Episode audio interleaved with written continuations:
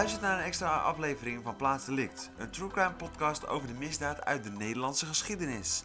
Waar gebeurden moorden die Nederland schokten, maar hoe zat dat ook alweer? Kijk op mijn Instagram pagina plaats.delict podcast. Rotterdam is in 2022 de moordhoofdstad van Nederland.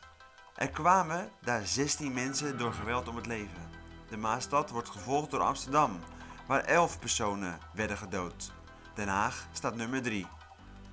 Dit is een extra aflevering met de moordcijfers uit 2022. In totaal kwamen 133 mensen in 128 zaken door moord of doodslag om het leven.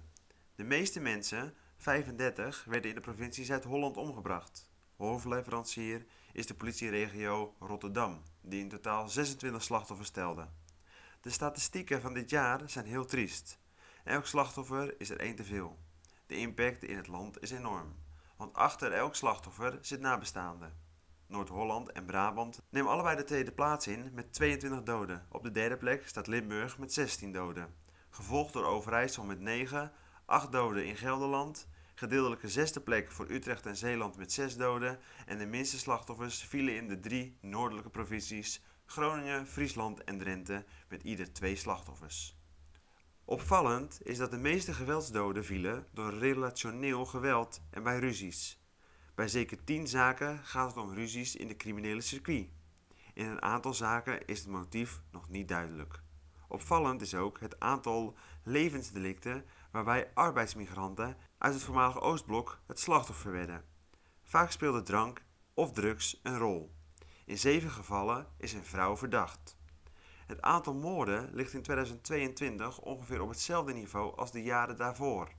Vorig jaar kwamen er volgens het Centraal Bureau van de Statistieken 126 mensen om het leven. In 2020 waren dat er 121. In de jaren 90 telde Nederland ruim twee keer zoveel slachtoffers. Het waren met name mannen, 80, die ten prooi vielen aan geweld. Er lieten 41 vrouwen het leven. Zo'n 21 vrouwen werden om het leven gebracht door een partner. In zeker 10 zaken pleegde de man zelfmoord. Ook telde Nederland zo'n 8 moedermoorden. Januari en mei waren de bloedigste maanden van de respectievelijke 15 en 17 slachtoffers. Ons land werd opgeschrikt door twee gezinsdrama's, zoals die op zaterdag 6 augustus 2022. De politie wordt na een fatale aanrijding bij Lekkerkerk op het spoor gezet van twee doden in een woning in Zoetermeer. Het 72-jarige slachtoffer van het ongeval op de N210 is de bewoner van het pand die zijn 70-jarige bedlegerige vrouw en zijn autistische zoon van begin 30 ombracht. De vrouw was ziek en al jaren bedlegerig. Hun zoon is autistisch en heeft psychoses. Hij is nooit naar school geweest. Zijn moeder heeft hem thuis wat les gegeven. De man en de vrouw worden door de buren omschreven als erg aardig. De man viel op doordat hij zich nog wel eens in vrouwenkleding op straat begaf, inclusief schoenen met hakken. Dat werd volledig geaccepteerd door de omgeving. De 72-jarige vader was een soort mantelzorger voor zijn vrouw en zoon. Overigens zou het stel ook nog eens een uitwonende dochter hebben. In totaal werden 12 kinderen vermoord. Het gaat om 7 kinderen in de leeftijd van 4 tot en met 7 jaar en twee meisjes, 14 en 16. De zaak van de 9-jarige Gino hield Nederland dagenlang in de greep. De jongen verdween op 1 juni 2022 tijdens het buitenspelen in Kerkrade. Zijn lichaam werd enkele dagen later verpakt in vuilniszakken in Geleen gevonden. Dat was vlak bij een woning van de 22-jarige Donny M. Hij zou het jongetje, voordat hij hem vermoordde, hebben misbruikt mishandeld en drugs hebben toegediend. De man was al eerder veroordeeld voor het misbruiken van een kind. Ook de dood van de vierjarige Dien uit België staat in het geheugen gegrift. Het jongetje werd op 17 januari 2022 doodgevonden tussen rotsblokken in het Zeeuwse Vrouwenpolder. Al een paar dagen was de politie op zoek naar Dien en de 34-jarige Belg Dave de K. De man was in 2010 al tot 10 jaar gevangenisstraf veroordeeld voor de dood van een tweejarige peuter, Miguel.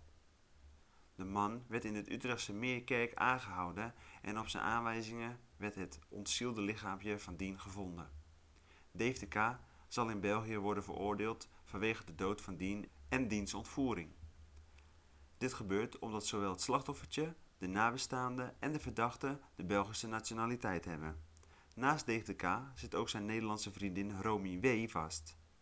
Uit onderzoek is gebleken dat Dien met bruut geweld om het leven is gebracht. Het jongetje was amper nog herkenbaar toen de politie hem vond.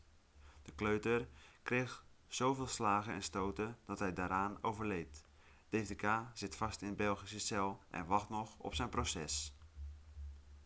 Een andere opmerkelijke zaak was die van de zes maanden oude baby Emily, die door haar vader, Ruud S., die werkzaam was in het leger, werd gedood.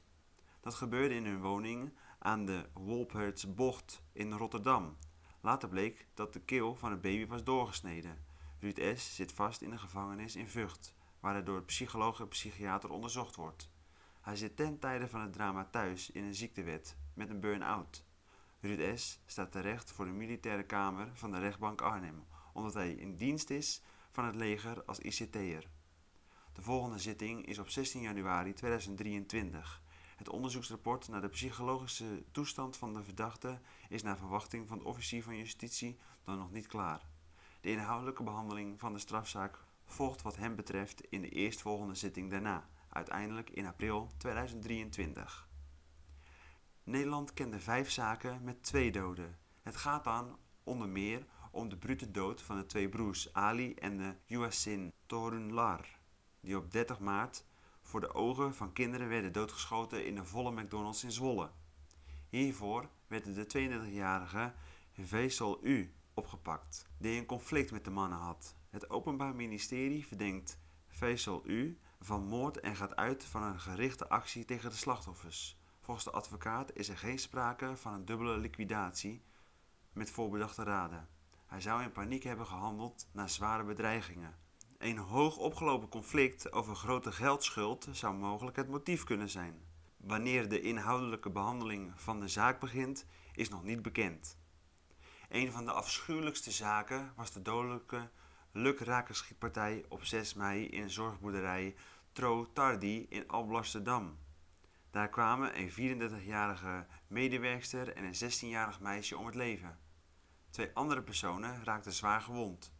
De vermoedelijke schutter, John S., schoot twee dagen voor het drama de 60-jarige schoenmaker Johan Quest in Vlissingen dood om zijn wapen te testen. De man werd daar vastgebonden en levenloos in zijn winkel aan de Sint-Jacobstraat gevonden. Er lag een briefje op zijn lichaam met de naam van een jonge vrouw met wie hij eerder op de zorgboerderij een relatie had gehad. En de toevoeging: Fuck you. Aan deze vrouw stuurde John S. op 3 mei een foto van een vuurwapen. Ze alarmeerde onmiddellijk de politie. Het was op dat moment niet duidelijk dat de beelden afkomstig waren van John S. De telefoon waarmee hij ze stuurde stond op naam van iemand die vastzat. Na de moord op een slachtoffer in Vlissingen stuurde hij haar een foto van het lichaam en de plek waar de man lag. Volgens de officier van justitie herkende zij John S. toen hij door het beeld liep. Hij ging vermoedelijk om beelden van bewakingscamera's. Er startte een klopjacht op John S., die niet kon voorkomen dat hij op 6 mei nieuwe slachtoffers maakte. John S. bleek na zijn vertrek uit Vlissingen zijn intrek te hebben genomen in het Leonardo Hotel in Papendrecht. Hij schafte een pruik en handschoenen aan en ging op 6 mei vermomd naar Trotardi. De verdachte werkte in 2017 op deze zorgboerderij. Na een ongewenste relatie met de jonge cliënt moest hij vertrekken. Het is niet duidelijk of het gaat om een vrouw aan wie hij de foto stuurde. Dit was een heel impactvolle zaak voor de nabestaanden, de mensen van de zorgboerderij, maar ook voor de politiemensen. In twaalf zaken maakt de politie nog jacht op de daders. Zo is de moord op de 30-jarige Jason Sanchez, die op zaterdagavond 29 oktober 2022 op het Tintplein in Rotterdam werd doodgeschoten, nog onopgelost. Hij is mogelijk slachtoffer van een vergismoord. Op een voltras werd zeker zes keer geschoten op de kickboxleraar. De paniek was enorm. Terwijl het slachtoffer zwaar gewond op de grond lag, verstopten mensen zich onder tafels en renden weg. De gealarmeerde hulpdiensten probeerden het slachtoffer nog te redden en opereerden hem op straat. Dat mocht niet meer baten. Sanchez overleed in het ziekenhuis aan zijn verwondingen. Ook is er een forse stijging van jongeren met missen, vuurwapens en verboden vuurwerk. De politie maakt zich ernstig zorgen over. Vooral omdat het wapenbezit onder jongeren de afgelopen jaren is toegenomen. En flink ook. Want waar er in 2019 nog slechts 315 jongeren werden opgepakt voor verboden wapenbezit, is dit getal afgelopen jaar opgelopen tot 1268. Een verviervoudiging in enkele jaren dus. Iets wat gerust een explosieve toename genoemd kan worden. En het aantal inbeslagnames van steekwapens steeg van 33 naar 355. Voor vuurwapens geldt een stijging van 27 naar 144 inbeslagnames. Waarom ze überhaupt een wapen dragen? Waarschijnlijk om zichzelf te kunnen verdedigen tegen andere jongeren met wapens. Niet zelden aangewakkerd door beelden en stoere taal op social media. Daarnaast zouden muziekvideo's van drillrappers mee kunnen spelen. In deze filmpjes zwaaien jonge gangsterrappers soms zelf met kapmessen en automatische wapens. Inmiddels weten we dat leden van drillbenden soms met elkaar in conflict komen, met alle gevolgen van dien. Dit was de extra aflevering van Plaats Delict. Beluister ook de andere dossiers en kijk op mijn Instagram pagina voor foto's en filmpjes.